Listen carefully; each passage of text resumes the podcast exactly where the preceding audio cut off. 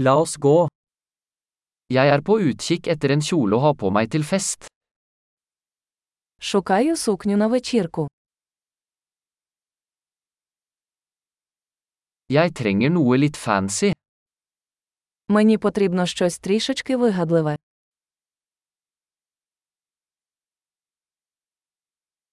Jeg skal på middagsselskap med arbeidskameratene til søsteren min. Я йду на звану вечерю з колегами моєї сестри.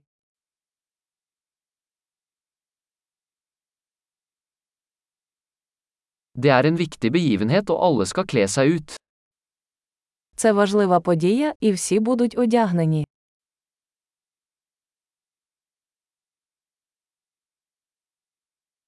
Det er en søt fyr som jobber med henne, og han kommer til å være der. Є милий хлопець, який працює з нею, і він буде там.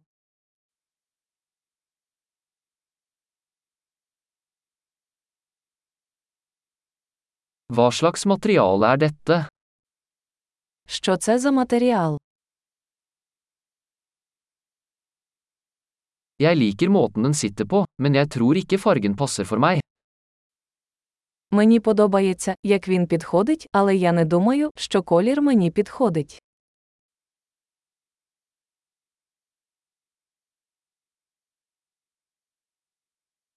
Har du denne sorte i en mindre størrelse?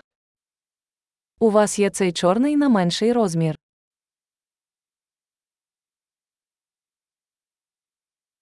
Jeg skulle bare ønske den hadde glidelås i stedet for knapper.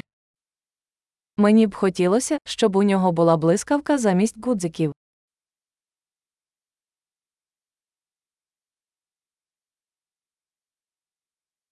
Vet du om en god skredder?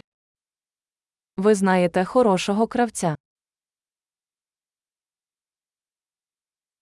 Ok, jeg tror jeg kjøper denne. Гаразд, думаю, я куплю цей.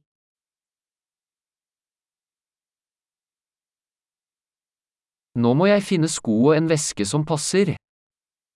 Тепер мені потрібно знайти відповідні туфлі та гаманець.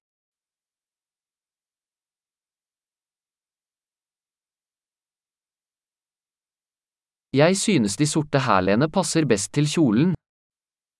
Я думаю, що чорні туфлі на підборах найкраще підходять до сукні.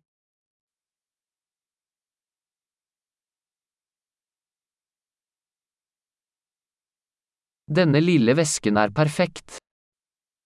Цей маленький гаманець ідеальний.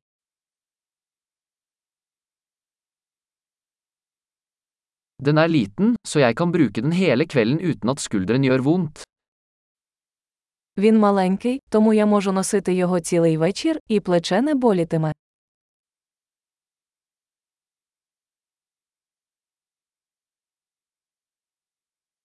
Jeg burde kjøpe litt tilbehør mens jeg er her.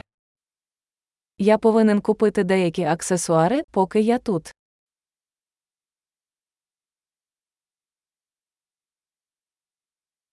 Jeg liker disse vakre perleøreringene. Finnes det et halskjede som matcher? Мені подобаються ці красиві сережки з перлами. Чи є відповідне намисто?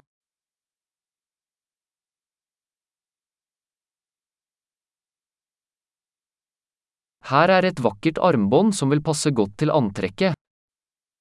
Ось гарний браслет, який підійде до вбрання.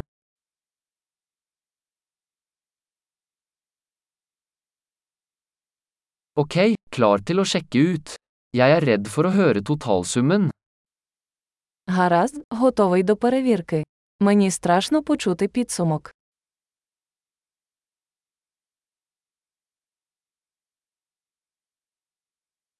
Jeg er glad jeg fant alt jeg trenger i en butikk. Я щасливий, що знайшов все необхідне в одному магазині.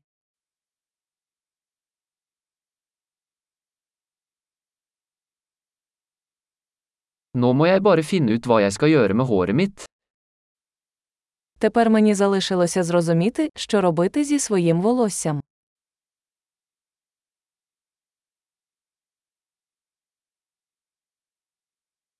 Godt sosialt samvær.